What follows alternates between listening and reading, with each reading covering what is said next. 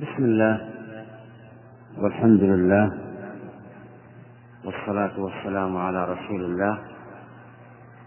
نكمل كما قلنا ما بدأناه من صفات طالب العلم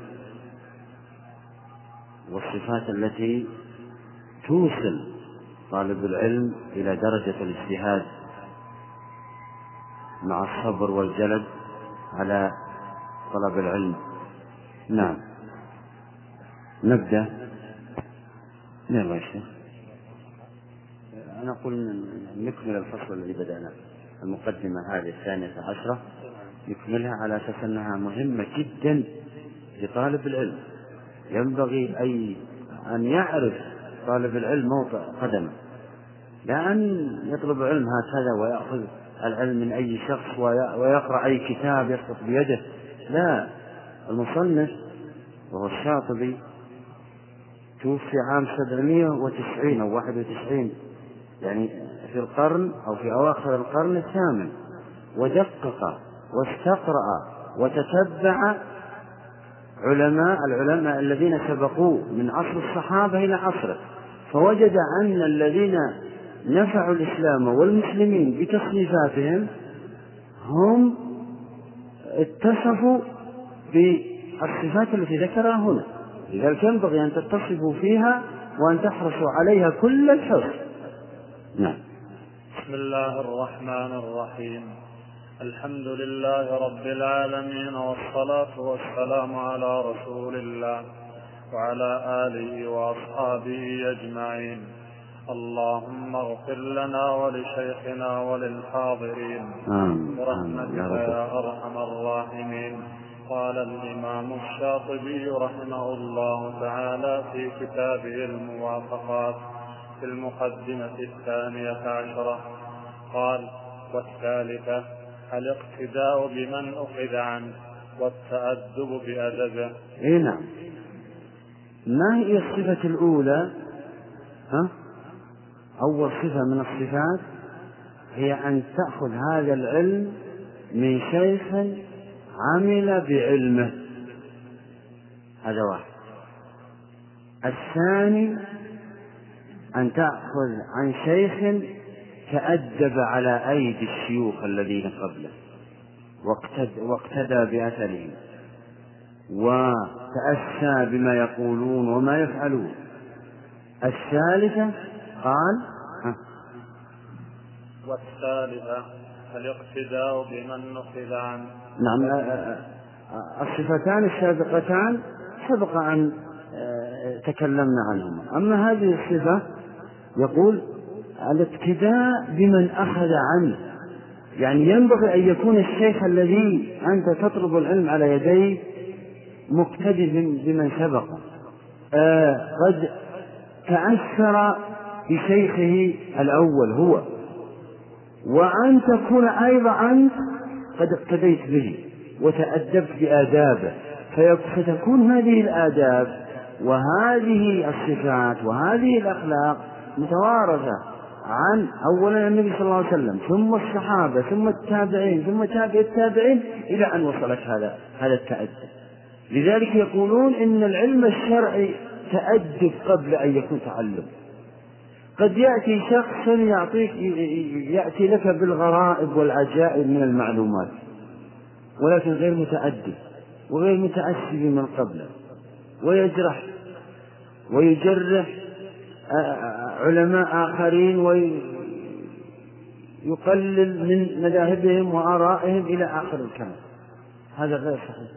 ينبغي أن يتأدب أولا طالب العلم في أدب العلماء واحترامهم لآراء الآخرين وتقديرهم لهم لكن لكل شخص رأيه لا شك.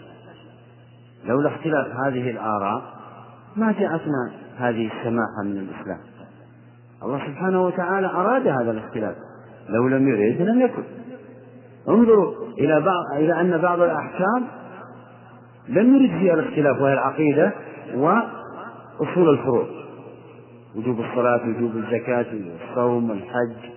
أصول من حلال البيع تحريم الربا. كل هذه أصول فروع ما اختلف العلماء فيها لكن أراد الشارع أن يختلف الناس في جزئيات بسيطة لاختلاف البيئات فيها واختلاف تعارفهم وعاداتهم فيها. فهذه من سماحة الإسلام ومن مقاصد الشريعة أن يختلف العلماء. قال الاقتداء؟ الاقتداء بمن نقض عنه. والتأدب بأدبه كما علمت من اقتداء الصحابة بالنبي صلى الله عليه وسلم. من قوله كما علمت هذا أول الدليل أول الأدلة. ذكر هنا أدلة الدليل الأول اقتداء الصحابة بالنبي صلى الله عليه وسلم فإنهم اقتدوا به وتأسوا به.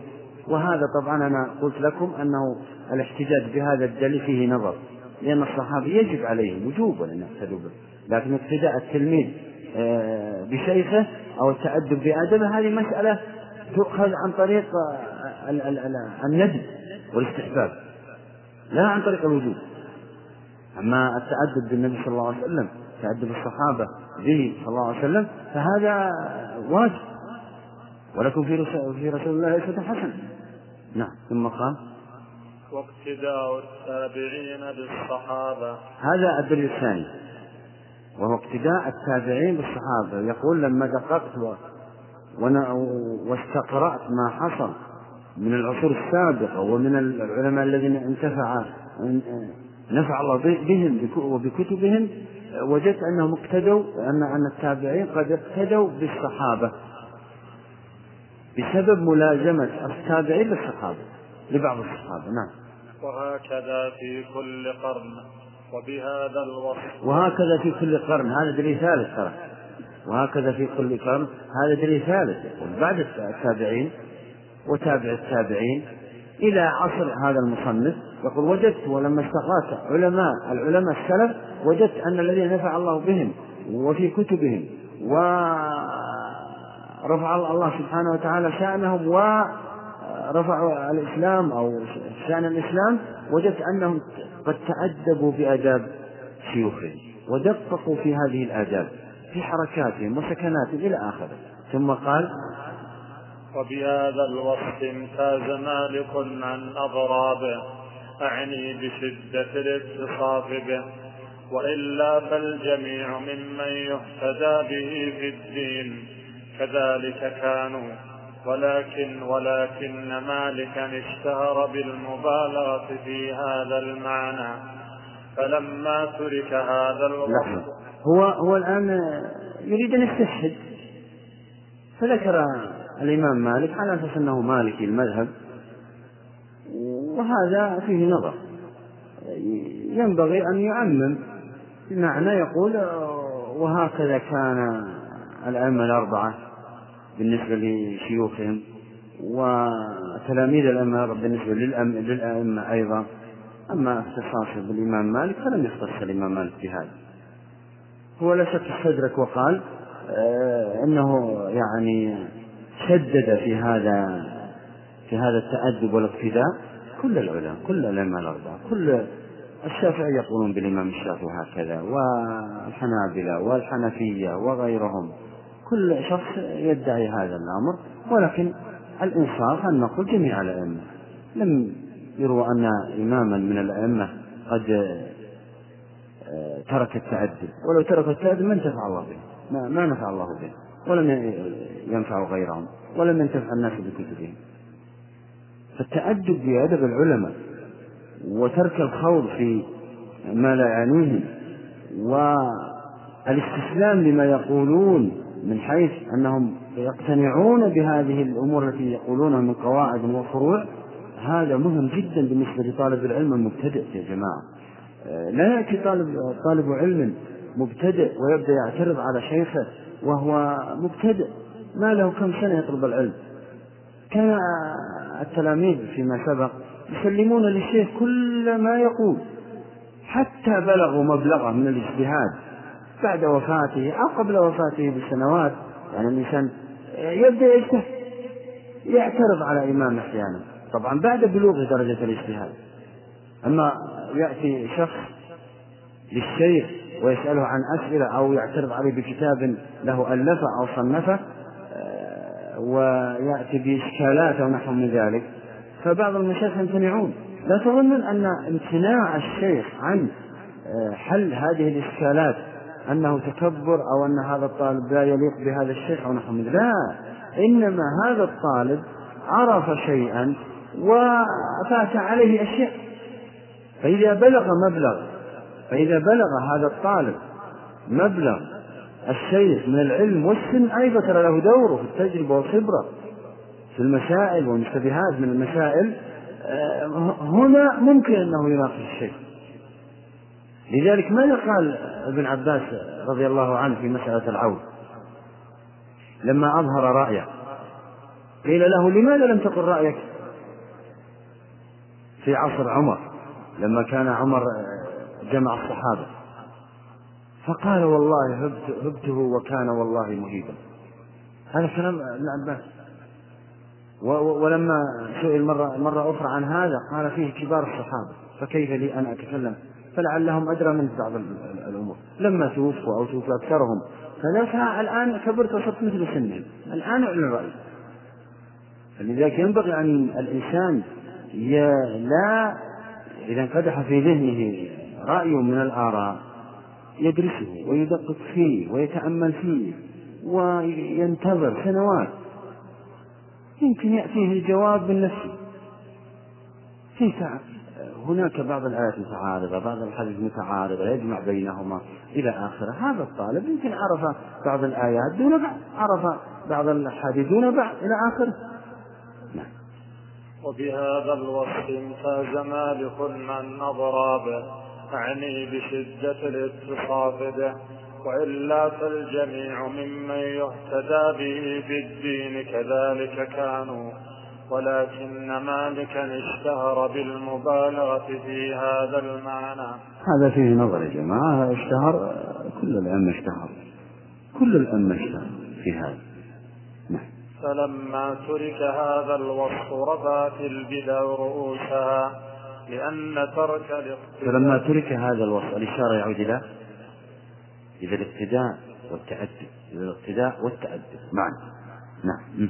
فلما ترك هذا الوصف ربات البدع رؤوسها لأن ترك الاقتداء دليل على أمر حدث عند التارك أصله اتباع الهوى. أي نعم يقول لما لم يتأدب طلاب العلم في أدب شيخهم واقتدوا به لأنهم لم يتتلمذوا عليه إلا أنهم مقتنعين إلا أنهم قد اقتنعوا بما يقول لماذا تتتلمذ عليه وأنت غير مقتنع؟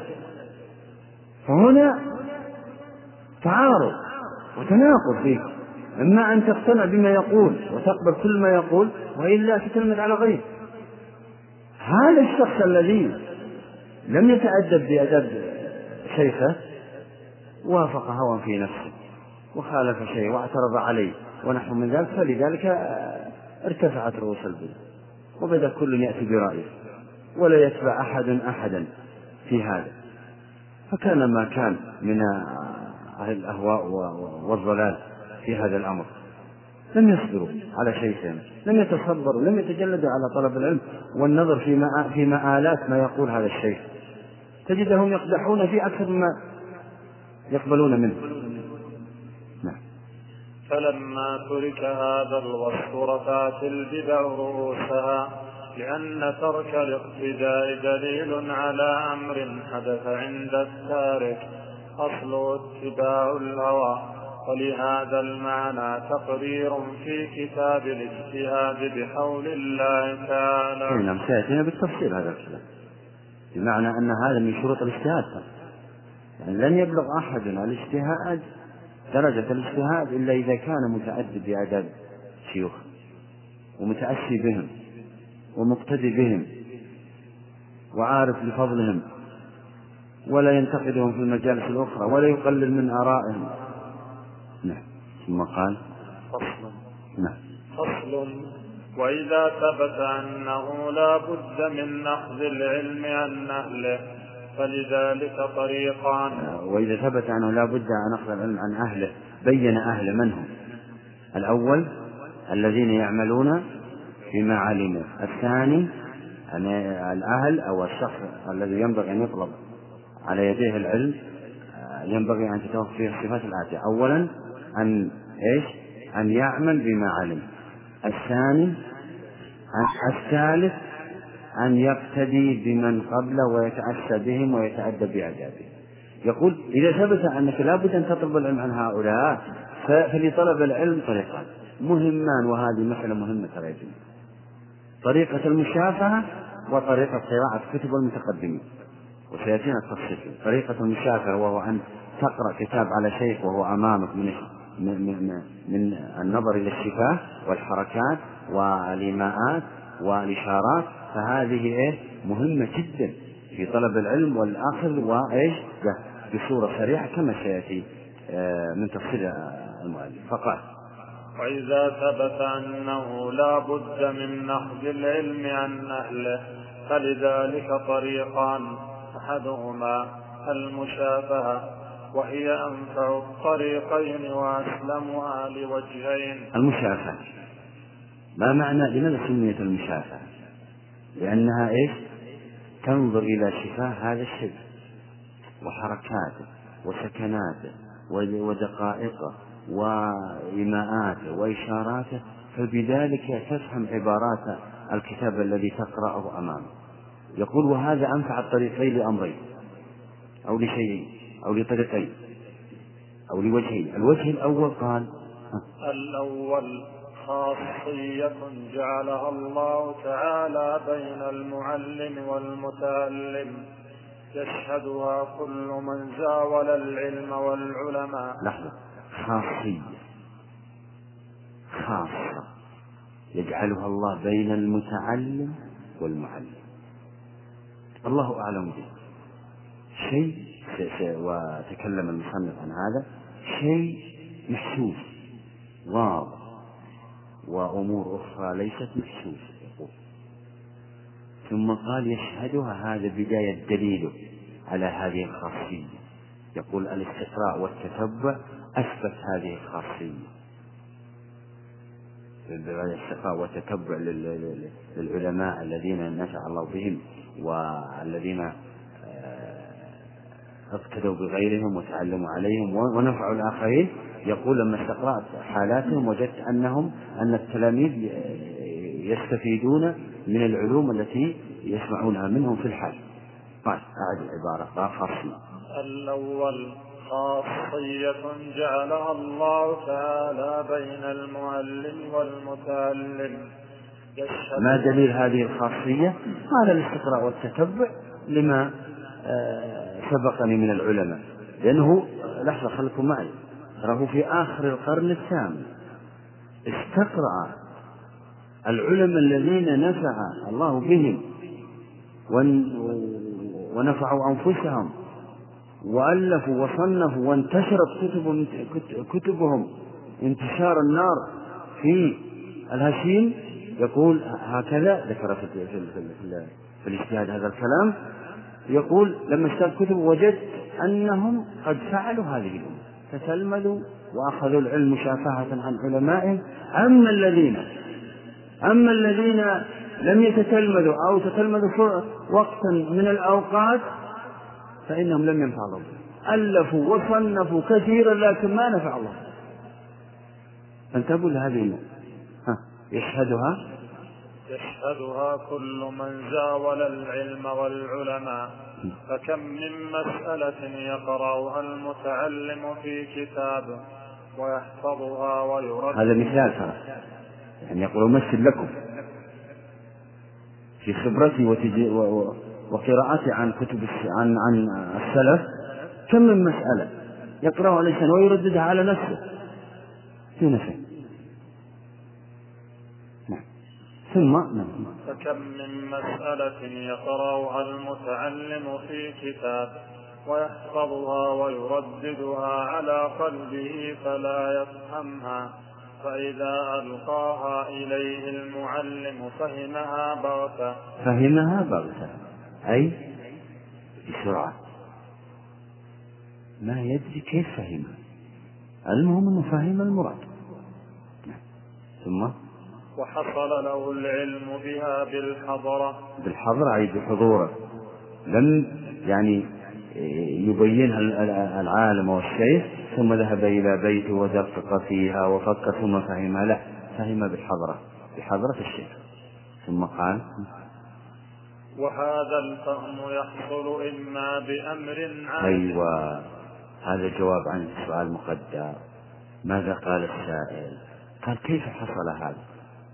كيف حصل حصل هذا الفهم بسرعة والبغتة والحضرة مع أن هذا الشخص قد رددها على نفسه مرات ومرات لم يفهم؟ قال يحصل بأمرين. قال حصل هذا الفهم له آه، لوجهين أو لأمرين. الأول. وهذا الفهم يحصل إما بأمر هذا إما أول الأمر الأول إما بأمر عادي وإما بأمر غير عادي. الأمر العادي بدأ فيه فقط. إما بأمر عادي من قرائن أحوال وإيضاح موضع إشكال لم يخطر للمتعلم ببال وقد يحصل هذا الأمر العادي واضح. أمر عادي. يعني بمعنى أن الطالب يسأل الشيخ ويقول هذا الضمير أين يرجع؟ فإذا عرف أن الضمير هذا يرجع إلى شيء عرف المعنى. وهذه الإشارة أين ترجع؟ عرف. أو يقول الطالب مثلا والتلميذ هذا هذا الكلام يناقض الكلام الذي في قوله تعالى كذا أو الذي في قوله صلى الله عليه وسلم كذا أو نحو من ذلك فيبين الشيخ إيش؟ فك هذا التعارض فك هذا التناقض. هذا أمر عادي جدا. وقد بين. أعد الأمر الأول. قال بأمر بأما بأمر عادي من قرائن أحوال وإيضاح. من قرائن أحوال. يعني مع قرائن مقالية أو حالية. يبين لك يرجع الضمائر يرجع الإشارات كذا وكذا آه أن السياق يدل على هذا. هذا واضح. هذا عادي. يفعله أي شيء. إما بأمر عادي من قرائن أحوال وإيضاح موضع إشكال لم يخطر للمتعلم ببال. أي نعم هذا أمر عاد واضح مشايخ الأمر الثاني هو المشكلة. نعم. وقد يحصل بأمر غير معتاد ولكن بأمر يهبه الله للمتعلم عند مثوله عند مثوله بين يدي المعلم. ظاهر الفقر بادي الحاجة إلى ما يلقى إليه. أيوة خلكم. طبعا نقول لطلب العلم ركنا مهمان لا يفوت واحد منهما إلا وقد كان الإنسان بطلب العلم لا يفيد شيء. الركن الأول أن يكون طالب طالب العلم مخلص لهذا العلم. ويريد بطلبه العلم. رفع الجهل عن نفسه ليعبد الله على بصيرة ورفع الجهل عن غيره إن استطاع. بالدروس أو بالمحاضرات أو بالتصنيف والتأليف إن استطاع. أما الركن الثاني فأن يتأكد هذا طالب العلم أن يتأكد أن شيخه درسه لوجه الله درسه ليحمله. هذه الأمانة وأنه إذا درس هذا الطالب هذا الكتاب ينبغي أن يدرسه أيضا بدوره إلى مجتمعات أخرى وإلى طلاب آخرين.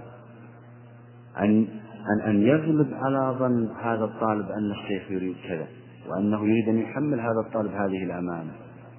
لذلك العلماء أو طلاب العلم أثقل الناس أثقل الناس أوزار أو أجر أكثر الناس أجر وأكثر الناس أجر كيف؟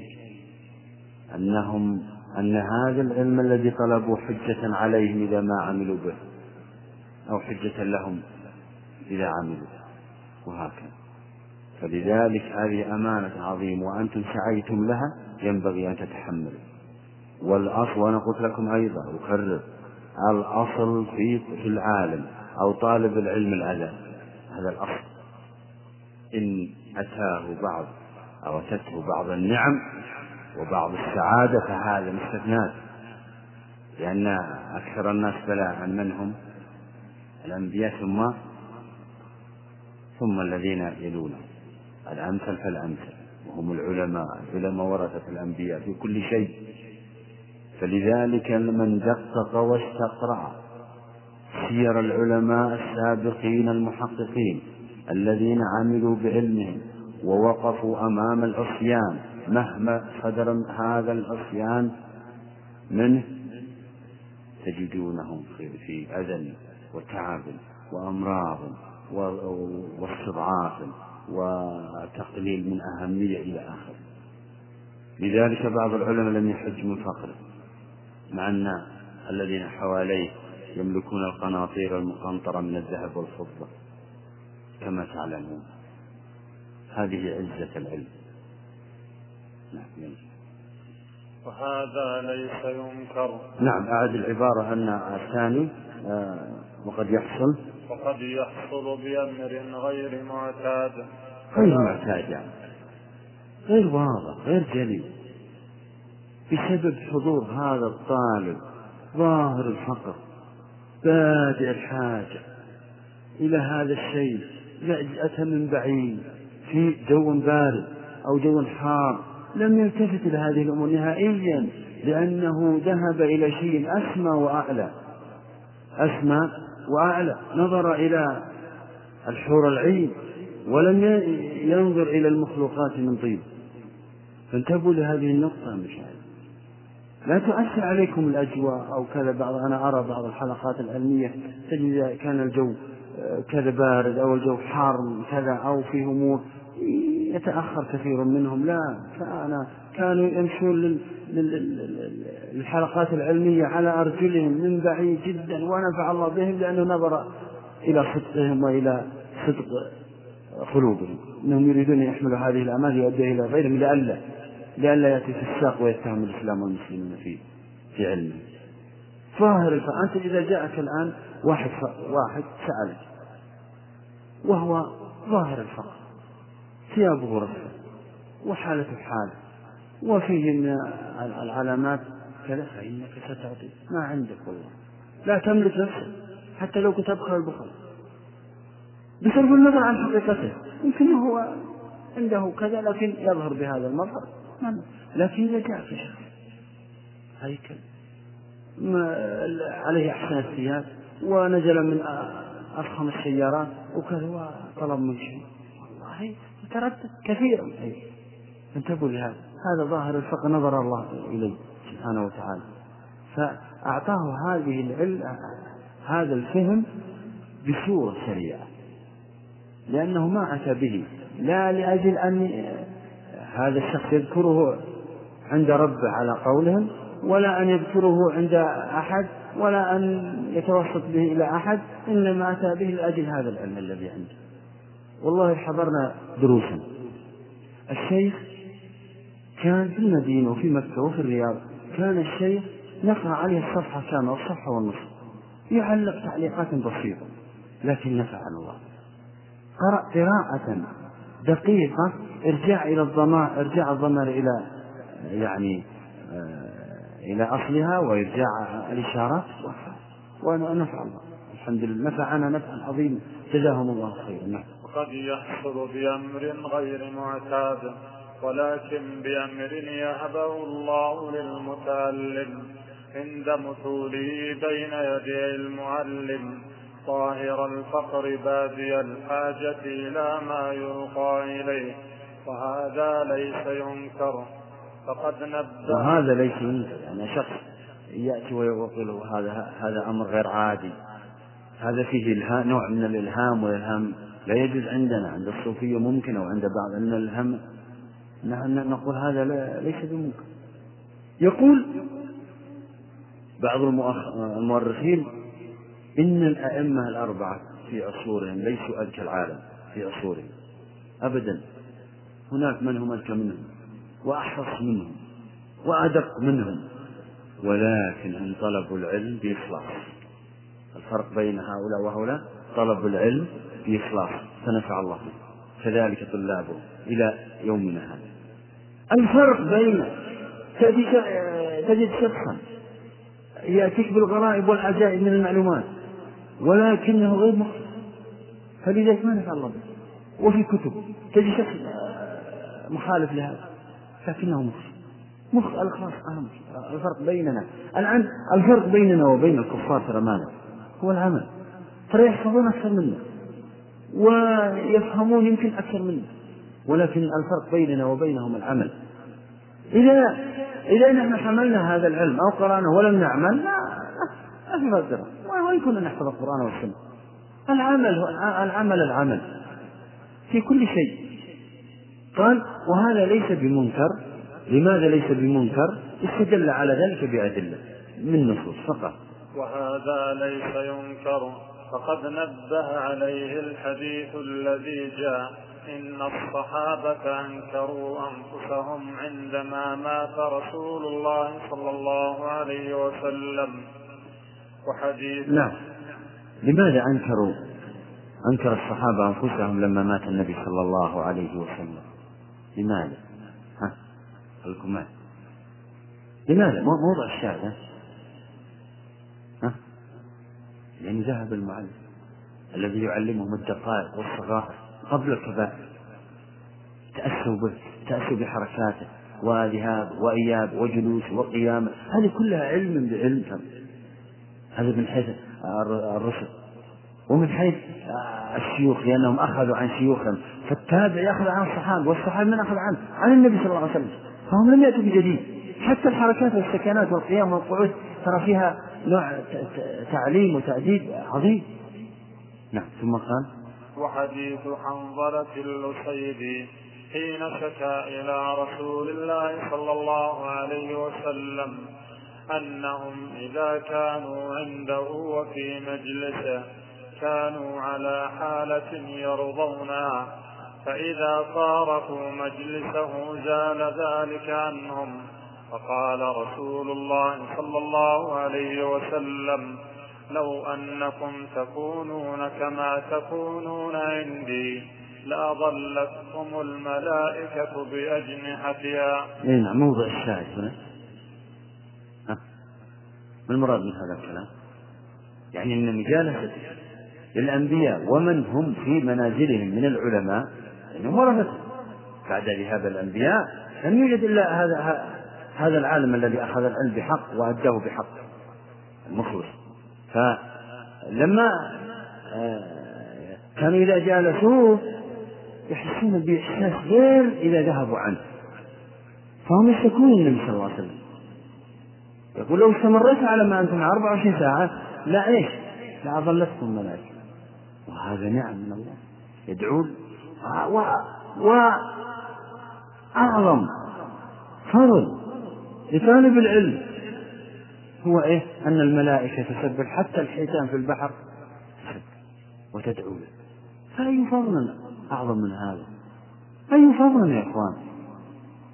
يعني حركات. إذا كنت مخلص طبعا بطلب العلم حركاتك وسكناتك ونومتك وقومتك وأكلك وشربك كله محسوب لك. إذا أردت فيه التقوية على طلب العلم وفهم المراد من هذا النص أو المراد من ذاك القياس أو نحو من ذاك ما يتعود الكتاب والسنة معاذ ماذا قال؟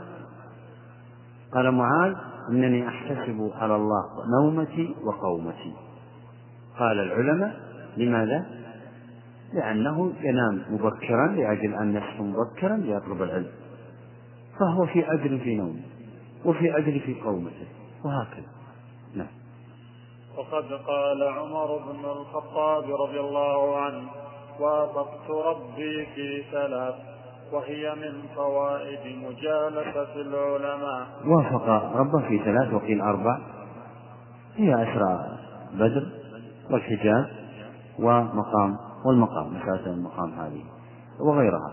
قال المصنف وهذه من فوائد مجالسة العلماء. أي؟ الأنبياء. لأن الأنبياء أعلم العلماء. ترى أعلم العلم علمه فعلمه لا يمكن لا يمكن أن يعارض لأنه وحي. وهي من فوائد مجالسة العلماء. بمعنى أنه أنه لما جالسه الرسول صلى الله عليه وسلم يأتي بأدلة بالكتاب والسنة.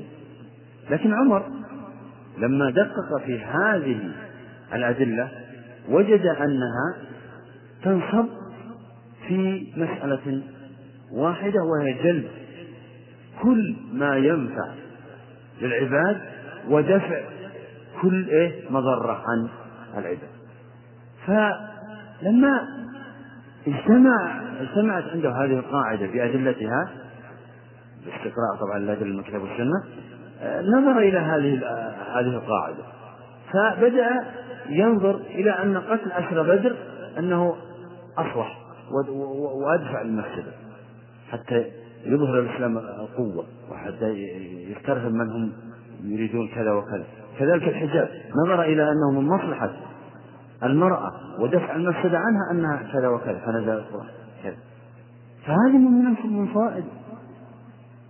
ينبغي أن الشخص الذي يجالس. العلماء ينبغي أن أن أن يستفيد فوائد أخرى غير ما كان يقول. يسترشد بما لم يقل بما قال على ما لم يقل. هذا طالب العلم الحقيقي. أما أنه يأتي ويطلب العلم سنوات وسنوات فقط ما يستفيد شيء هذا يذهب إلى أمر آخر. إذا لم تستطع شيئا فدع. وجاوزه إلى ما تستطيع. نعم. وهي من فوائد مجالسة العلماء إذ يفتح للمتعلم بين أيديهم ما لا يفتح له دونهم. هذا إيش؟ نتيجة. نتيجة إيش؟ الوجه الأول. إذ يفتح للمتعلم إذا جلس أمام هذا الشيء ما لا يفتح لغيرهم. هذه العبرة. إذ إذ يفتح للمتعلم بين أيديهم ما لا يفتح له دونهم.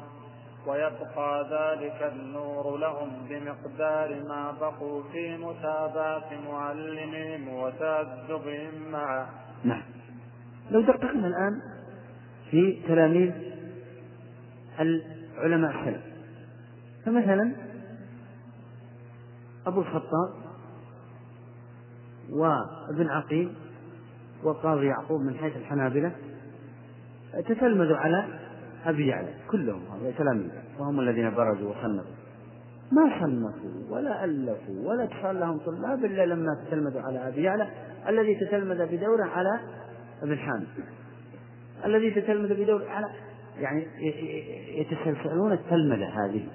فاستفادوا ولم يخالفوا شيئا. لما كانوا ملازمين له. العشرين سنة الثلاثين سنة. إنما خالفوه بعدما كبروا ووصلوا إلى درجة العلم. نعم. كذلك محمد بن الحسن وأبو يوسف. تتلمذوا على أبي حنيفة. سنوات وسنوات لما بلغوا مبلغه في العلم اجتهدوا وبدأوا يخالفون في بعض الآراء ويوافقون الشافعي أو المالكية أو الحنابلة وهكذا. نعم.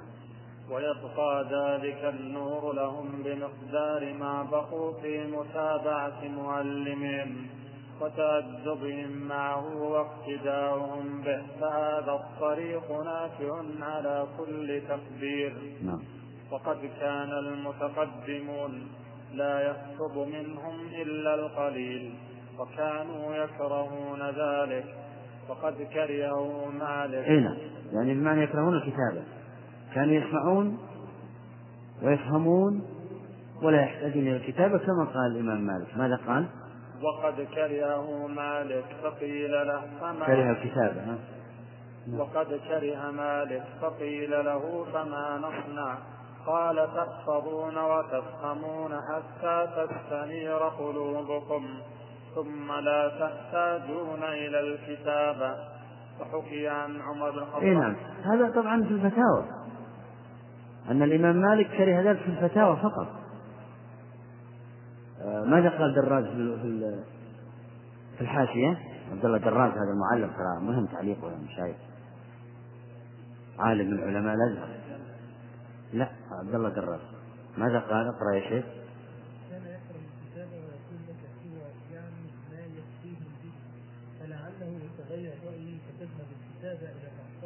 قبل أن يستقر الحكم فيحصل للناس بذلك ضرر وإلا فقد زوج الموقع. بمعنى أن أن نهيه عن الكتابة يعارض تدوينه وتأليفه للموطأ كتبه أنتم معي؟ فجمع جمعوا بينهما قالوا إن الفتوى هي التي نهى الإمام مالك أن تدون لماذا؟ لأنه قد يقول رأيه في هذه المسألة في هذا اليوم فيتغير في اليوم التالي لكن الكتابة كتابة العلم وتقييده كما تعلمون العلم إيش؟ صيد والكتابة قيد لا بد من كتابة طبعا المصنف قال سمح بالكتابة لأمرين كما ذكر الآن. وحكي عن انتبهوا ترى تعليقات دراج غير التعليقات التي ظهرت أخيرا. انتبهوا دراج من علماء الأزهر وهو مالكي المذهب. نعم قال. وحكي عن عمر بن الخطاب رضي الله عنه كراهية الكتابة وإنما ترخص الناس في ذلك عندما حدث النسيان وخيف على الشريعة الاندراج أيوة يعني بمعنى أنه الآن رخص في الكتاب في كتابة العلم في التعليقات لأمر إيش؟ كثرة النسيان عند الناس ما سبب كثرة النسيان؟ كثرة الاشتغال بهذه الدنيا وكثرة أعمال هذه الدنيا وأزمات هذه الدنيا. فإذا نسي العلم ومات هؤلاء أو مات هؤلاء العلماء إذا اندرست الشريعة واندثرت. فلذلك وجبت وجبت كتابة العلم الآن. تعليقات هوامش إلى آخره طباعة كتب لا بد. هذا طبعا ما أراد المصنف أن يقول في هذا الفصل. طيب. ما عندكم سؤال يرد هنا؟ اقرأ يا شيخ من أول. أحدهما المشافهة. أحدهما المشافهة وهي أنفع الطريقين وأسلمها لوجهين. الأول. لوجهين. الأول خاصية الثاني أين هو؟ الكمال ها؟ ها؟ الكمال ترى المصنف؟ قال أحسن الطرق لطلب العلم عن أهله عن طريقين أول مشافهة والثاني ماذا؟ قراءة كتب المتقدمين أنتم معي؟ فبدأ بالأول قال هي هي أنفع لوجهين الأول خاصية الثاني أين هو؟ الكمال ها؟ لم يذكر لماذا؟ هو قد يكون ترك للعلم به من يجتهد ما هو الثاني نقول إن الثاني هو أن طبعا المشافهة أنفع الطريقين لأن المشافهة تستلزم الملازمة. المشافهة تستلزم الملازمة المستمرة. والملازمة تفيد طالب العلم علوما وفنونا أخرى غير المعلومات. من آداب الشيخ ومن الاقتداء به وحركاته وسكناته وإيماءاته وإشاراته إلى آخره فما دام أن يقول الأول خاصية يجعلها الله بين العالم والمتعلم الثاني أن المشافهة تستلزم الملازمة يعني الشخص الذي يشافه هذا الشيء ويجلس أمامه لابد أن يلازمه أليس كذلك؟ كيف يشافهه ولا يلازمه؟ فإذا لازمه يلزم من الملازمة التأدب بآدابه وقد ذكره فيما سبق واكتفى بما ذكره في مسألة السابقة عن أن يذكره هنا. يلزم من المشافهة الملازمة ويلزم من الملازمة التأدب بآدابه والاقتداء به والأخذ عنه. نعم الطريق الثاني نعم. مطالعة كتب المصنفين ومدون الدواوين. وهو أيضا نافع في بابه بشرطين. نعم. يقول الطريق الثاني للتعلم أن ي... لم يكتب له أن يدرك ذلك الشيء لكن معجب بآرائه وب... وبأعماله وبإخلاصه للعلم فيقرأ كتبه. يقرأ كتبه. لكن هذا بشرطين. الأول ما في شروط. المشافهة ما له شروط. الشرط هو أن تخلص. تخلص آه، طلب العلم أو آه، آه، مجالسة هذا الشيء. لكن هذا لابد أن تطلع أو إذا أردت أن تطلع على كتب المتقدمين فلا كتب السلف فلا بد لك من شرطين الشرط الأول قال الأول أن يحصل له من فهم مقاصد ذلك العلم المطلوب ومعرفة اصطلاحات أهله. هذا الشرط الأول. ما معناه؟ ما المراد منه؟ يقول لا ينبغي أن تطلع على أي كتاب إلا بشرط وهو أن تعرف اصطلاحات أصحاب مذهبه أصحاب مذهب أو أصحاب هذا المصنف. تطلع على اصطلاحاتهم. ماذا يريدون من يريدون بالقاضي إذا قالوا أو قال القاضي لأن القاضي عند الشافعي غير القاضي عند الحنابلة. القاضي عند المالكية غير القاضي عند الحنفية وهكذا. أنتم معي كذلك من يريدون ماذا يريدون ببعض الألفاظ. فمثلا قال الحنابلة الحنفية هذا فرض وذاك واجب. لا بد أن تعرف الفرق بين الفرض والواجب عند الحنفية. وإلا ما عرفت قال الحنفية مثلا هذا فاسد وذاك باطل. لا بد أن تعرف الفرق بينهما عندهم. ماذا يريدون. هذا كراهة تنزيهية وهذا كراهة تحريمية. ما الفرق بينهم؟ لا بد أن تعرف هذا. الفرق عند المالكية بين الفضيلة والمستحب والنافلة عندهم في فروق فرق. بينما الجمهور لا يفرقون. قالوا النافلة هي المستحب وهي المستحسن وهي التطوع إلى آخره لا عند الحنا عند المالكية يفرقون بينهم. لا بد أن تعرف. وهكذا. قبل قراءتك الكتاب؟ لا بد أن تعرف مصطلحات أهل أو أصحاب هذا المصنف أو من يتبعهم هذا المصنف. كتاب مالكي ينبغي أن تعلم مصطلحاته وماذا يريدون وهذا يسأل سائل ويقول آه كيف أعرف المصطلحات ذكر المصنف بوجهين تعرف عن طريقين. الطريق الأول قال ها؟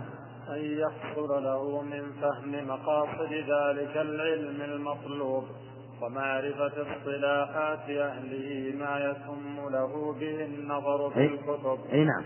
يعني يقصد من هذا الشرط أن لا يمكن أن يعلم مقاصد صاحب هذا الكتاب وماذا يريد إلا إذا عرف المصطلحات آه، أصحاب المذهب الذين يتبعهم هذا المصنف. لا يمكن مستحيل ثم يسأل سائل ويقول كيف لي الطريق؟ أن أعرف. قال لك طريقان الطريق الأول. وذلك يحصل وذلك. وذلك يحصل بالطريق الأول ومن مشافهة العلماء. أيوة.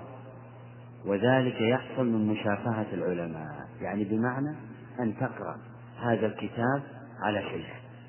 شيخ إما أنه متبحر في جميع المذاهب الأربعة يعرف ما المقصود بهذه بهذه المصطلحات عند المالكية وما المقصود بهذه المصطلحات عند الحنفية وما المقصود عند المصطلح عند الحنابلة وهكذا. أو أن تقرأ هذا الكتاب كتاب مالكي على شيخ مالكي. أحد الأمرين. هذا هذا واحد. يعني أنت أن تقرأ هذا الكتاب من شخص عارف. هذا واحد الثاني أو أو مما هو راجع إليه. أو مما هو راجع إليه. هذا الثاني ترى ما معنى؟ هناك كتب ترى صنفت في مداخل المذاهب. المدخل إلى المذهب المذهب الإمام أحمد. لا بن بدران. هذا عرفنا كل ما يتصل ويتعلق بالمذهب الحنبلي. ثم تبعه آه، بكر أبو زيد في المفصل وبين أشياء كثيرة لم يبينها ابن آه، بدران لكنه أجاد وافات في هذا. فعلمنا كل ما يتعلق بالمذهب الحنبلي. المدخل إلى المذهب إلى مذهب إيش؟ الإمام الشافعي وهكذا. هذه صنفوا فيها. عرفونا الاصطلاحات ماذا يريدون بهذا وماذا يريد بهذا؟ ما المراد بالقاضي؟ وما المراد بشيخ الإسلام عند الشافعية؟ وما المراد بشيخ الإسلام عند الحنابلة وهكذا. إذا أطلق فلان ما المراد به وإذا أطلق أبو فلان ما المراد به؟ حتى الإمام إذا قيل قال الإمام عند الشافعية المقصود به واحد. لكن عندنا إمام الحرمين والإمام فخر الدين الرازي وبينوا هذا ووضعوا عند الشافعية وعند الحنابلة. القاضي كذا والقاضي كذا. وهكذا. والزركشي الحنبلي والزركشي الشافعي. إيه؟ وأسماء تتشابه إذا لم يدقق الإنسان في مصطلحات كل يعني مذهب ضاع. ضيع وقته وأجهد نفسه وواصل ليله مع نهاره دون فائدة. فيبدأ أولا الإنسان بمعرفة مصطلحات العلماء ثم يبدأ بال مثل ما أنك الآن تبني عمارة طويلة وتتعب سنوات وجهد مالي وجسدي دون أولا تخطط. لها. قبل ذلك؟ فهذا. سينهدم هذا هذا البناء وين ظهر؟ وين ظهر لك حسن؟ سينهدم الذي لما بني على أسس وقواعد نعم. الأول قلنا إيش؟ الأول هو أن قراءة هذا الكتاب على شيخ يعلم مصطلحات العلم. الثاني قراءة الكتب المصنفة في مصطلحات العلم وهي مسماة المدخل. لمذهب كذا أو لمذهب كذا وهي منتشرة. قال آه أو أو. أو مما هو راجع إليه. أو مما هو راجع إليه مصنف راجع إليهم يعني أخذ هذه المصطلحات من العلماء الآخرين ودونها ونعم وهو معنى قول من قال كان العلم في صدور الرجال ثم انتقل إلى الكتب ومفاتحه بأيدي الرجال. نعم. يقول كان العلم في صدور العلماء. فوضعوا في هذا الكتب.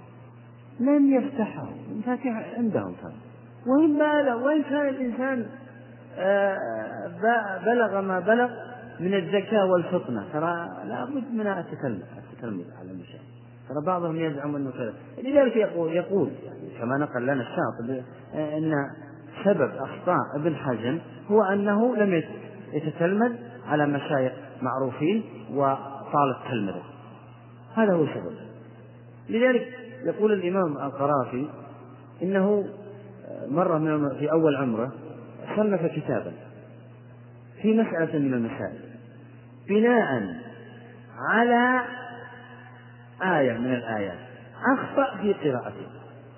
وصنف كتابا كاملا ألف الدرس الآتي آتي لكم باسم هذا الكتاب. وسماه ثم يقول بعد مدة طويلة صليت وراء إمام فعرفت أنني فأحرقت. بناء على آية واحدة صنف كتابا كاملا فهذا سبب العجلة وعدم التلمذة هذا إن شاء الله.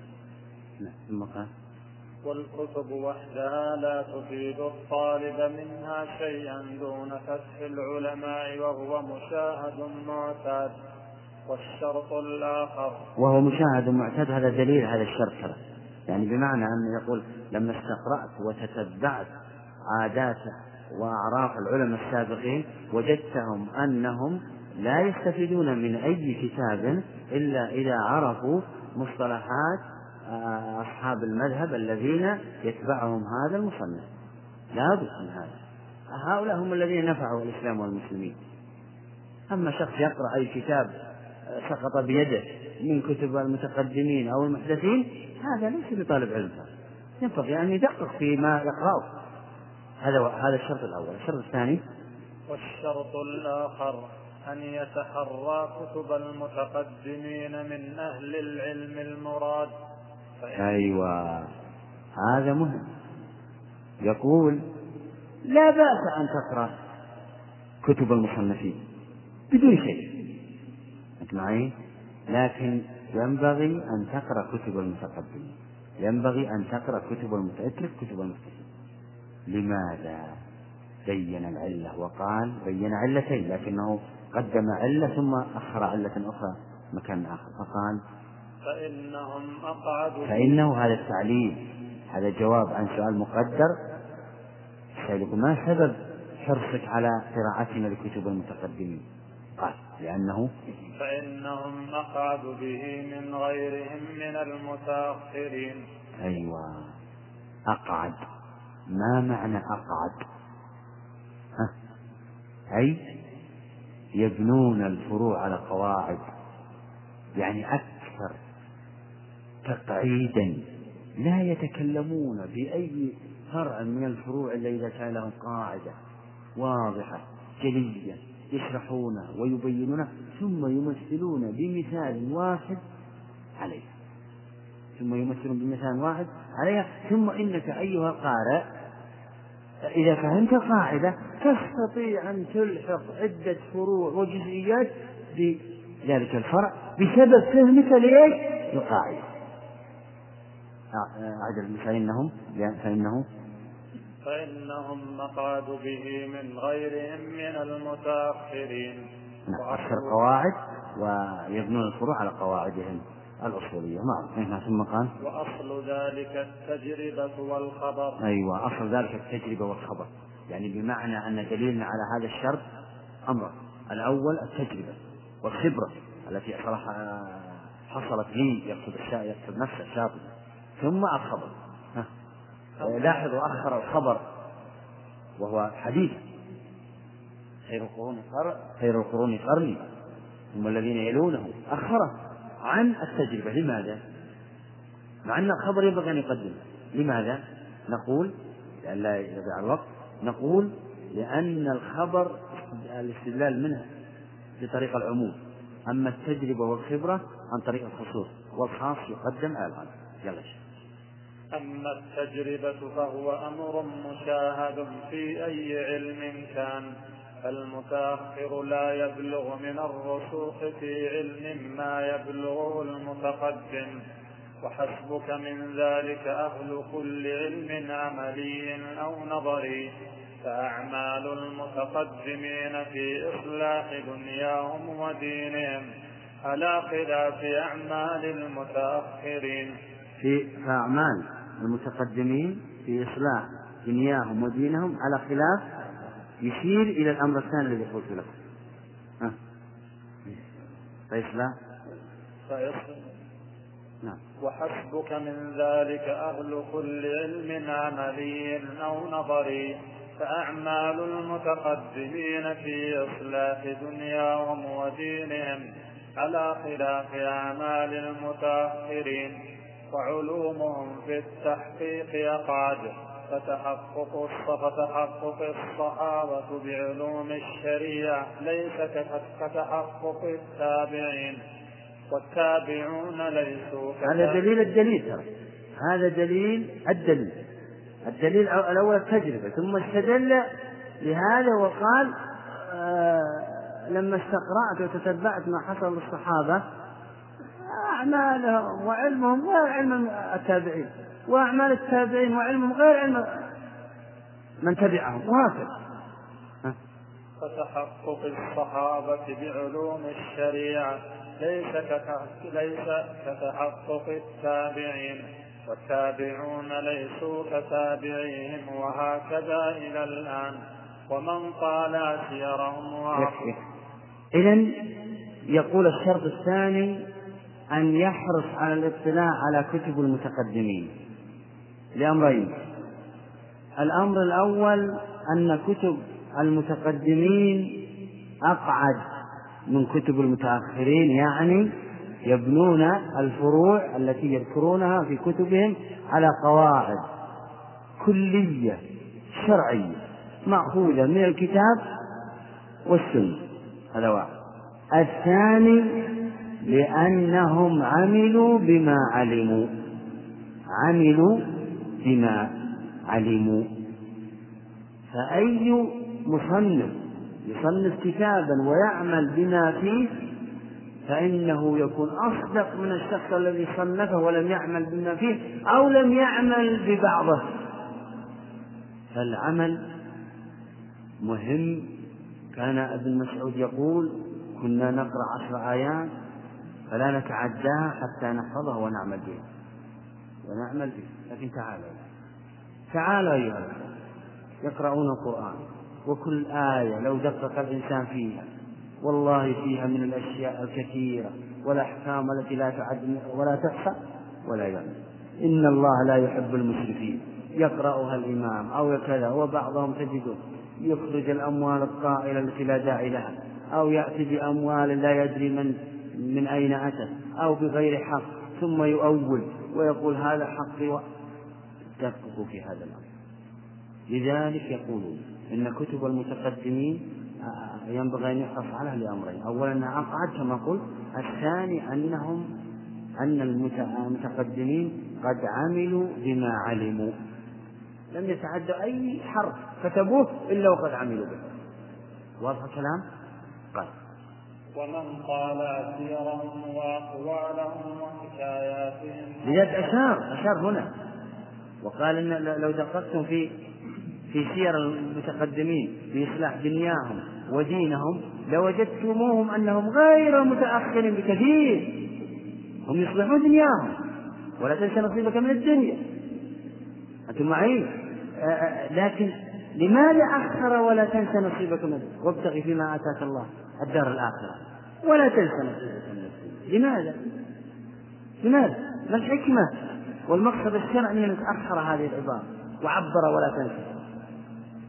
حتى تنظر إلى الدنيا نظرة عارضة. عارضة جدا. بمعنى تأخذ منها ما يعزك عن لئام الناس ألا تحتاج إليه. لكن وابتغي قدمها. أنا إذا قلت أعط زيد وعمر وكذا وكذا جوائز. ولا تنسى بقى ما يستفيد منها؟ يعني أعطي شيء بسيط فقط لأجل إيش؟ ألا تنكسر نفسيته وإلا المراد أن تهتم بهؤلاء. اهتمام دقيق. وهكذا. نعم. ومن طالع سيرهم وأقوالهم وحكاياتهم أبصر العجب في هذا المعنى. اي نعم. يعني بمعنى أن الإنسان ينبغي أن يطلع على سير العلماء المحققين المخلصين الذين أتبعوا العلم بالعمل لذلك يقول أبو حنيفة رحمه الله إن قراءة تراجم العلماء المحققين عبادة لماذا عبادة؟ لأنها لأن الإنسان يقتدي بها ويرى ما لاقوه من الأذى ومن المصائب التي جاءتهم من قبل غيرهم من الحساد ومن الحقاد ومن غير ذلك من كما تعلمون وصبروا على ذلك لأجل إيش؟ لأجل إعلاء كلمة الله وكما تعلمون من الأمثلة ما حصل للإمام البخاري والإمام أحمد وابن تيمية والفخر الرازي والعز بن عبد السلام وغيرهم وغيرهم كثير كثير جدا أنا قلت لكم الأصل العادة في العلماء.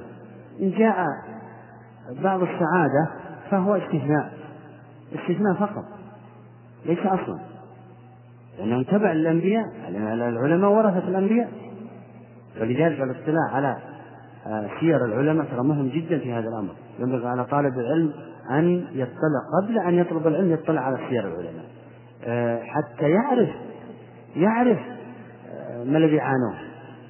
حتى أنه هو إذا أصابه بعض المصائب وبعض المشكلات عن هذا العلم يصبر ويتجلد لأجل أن يصل إلى ما يريد وإلى أن يعرف أن هذا العلم ينبغي أن يحمله بأمانة وأن يؤديه بأمانة. نعم. وأما الخبر ففي الحديث خير القرون قرني ثم الذين يلونهم ثم الذين يلونهم. وفي هذا إشارة إلى أن كل قرن مع ما بعده كذلك. إيه نعم. أنا قلت لكم سبب تأخير الحديث عن التجربة. لماذا؟ لأن التجربة خاصة والحديث الاستدلال منه عام والخاص يقدم على العام. خير القرون قرني.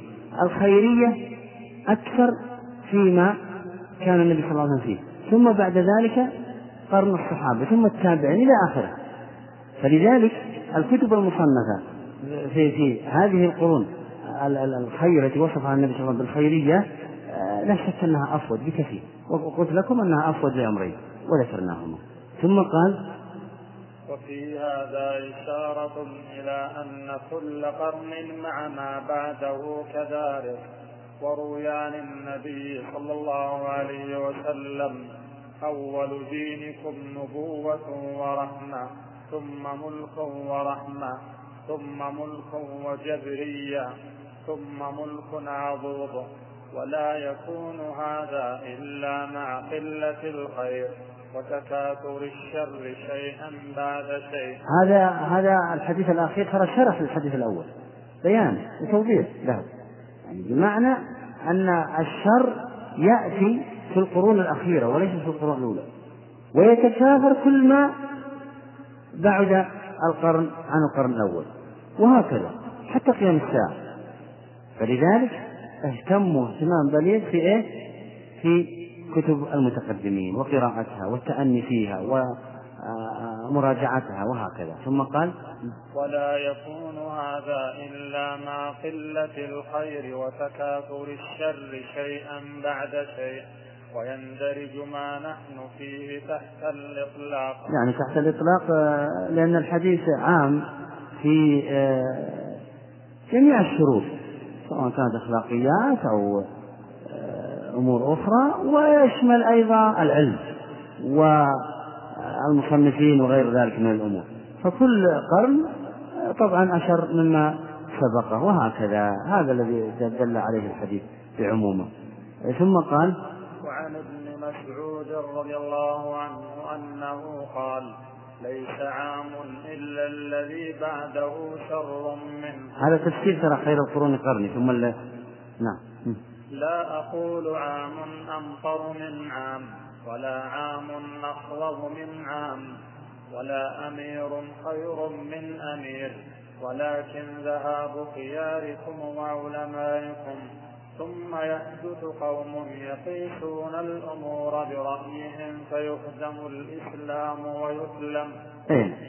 هذا واضح بأنه شرح الحديث السابق آه، أن الخيرية هنا المقصودة بالحديث آه، ليست ليس المراد الأمور الطبيعية أن هذا العام أمطر من ذاك العام أو غير ذلك من الأمور إنما في أمور العلم الخاصة بحيث يذهب الصلحاء والعلماء المخلصون فيأتي أناس يترأسون في العلم وهم ليسوا كذلك فيفتون ويعلمون الناس فيضلون ويضلون ويتركون النصوص ويذهبون للاستدلال بالمقاييس التي لم تتوفر في شروط القياس التي عملها وفعلها الصحابة رضوان الله عليهم. نعم. أخصب أخصب ولا عام أخصب من عام. يعني بمعنى أكثر خصبا وأكثر عشبا. نعم. ولا عام أخصب من عام. ولا أمير خير من أمير. ولكن ذهاب خياركم وعلمائكم. ثم يحدث قوم يقيسون الأمور برأيهم فيهدم الإسلام ويسلم. ومعناه موجود في الصحيح في قوله ولكن ينتزعه مع قبض العلماء بعلمهم. فيبقى فيبقى ناس جهال يستفتون فيفتون برأي فيفتون برأيهم فيضلون ويضلون. هذا المراد من من كلام ابن مسعود. يقول الشاطبي إنه كلام ابن مسعود مبني على هذا الحديث. نعم. وقال عليه السلام إن الإسلام بدا غريبا وسيعود غريبا كما بدا. فطوبى للغرباء قيل من الغرباء؟ قال النزاع من القبائل. وفي رواية قيل ومن الغرباء يا رسول الله؟ قال الذين يصلحون الذين يصلحون عند فساد الناس. إي نعم. الغرباء هنا في هذا الحديث هم العلماء المخلصون الذين ينكرون المنكر ويأمرون بالمعروف مهما كان الفاعل لذلك سواء كان خليفة من الخلفاء أو كان عادي من الناس. فلذلك سيكون قلة وقليل ما هم. فتجد القبيلة فيها ثلاثمائة أو ثلاثة آلاف شخص ففي ثلاثة ثلاثة منهم مخلصون عاملون بعلمهم. يتبعون ما كتبوا بالعمل. لا يكتبون ما لا يفعلون ويقولون ما لا يفعلون أبدا إنما يعملون بعلمهم بدقة في كل هذه الأمور. وطبعا هذه الأحاديث تؤكد ما قلناه أن العلم ينبغي أن يطلب بإخلاص وأن يؤدى بإخلاص وأن يكون طالب العلم أو المتعلم مخلص لوجه الله بطلبه لهذا العلم. وأن يقصد به رفع الجهل عن نفسه ليعبد الله على بصيرة وأن يريد به رفع الجهل عن, عن الآخرين إذا استطاع. وكذلك الشيخ ينبغي أن يؤديه بأمانة ويحمله لغيره بأمانة وإخلاص لا لأجل المراعاة أو السمعة أو نحو من ذلك. وكل ما أتى بعد ذلك في آخر هذه المقدمة هو استشهادات على ما قلناه وبهذا نكتفي. بقراءتنا من المقدمات في هذا الكتاب وهو الموافقات ونبدأ في أول الكتاب وهو المباح في إن شاء الله في الدروس القادمة وإن شاء الله في الدروس القادمة سنكمل ما بدأنا من الروضة إن شاء الله. وصلى الله على نبينا محمد وعلى آله وصحبه أجمعين.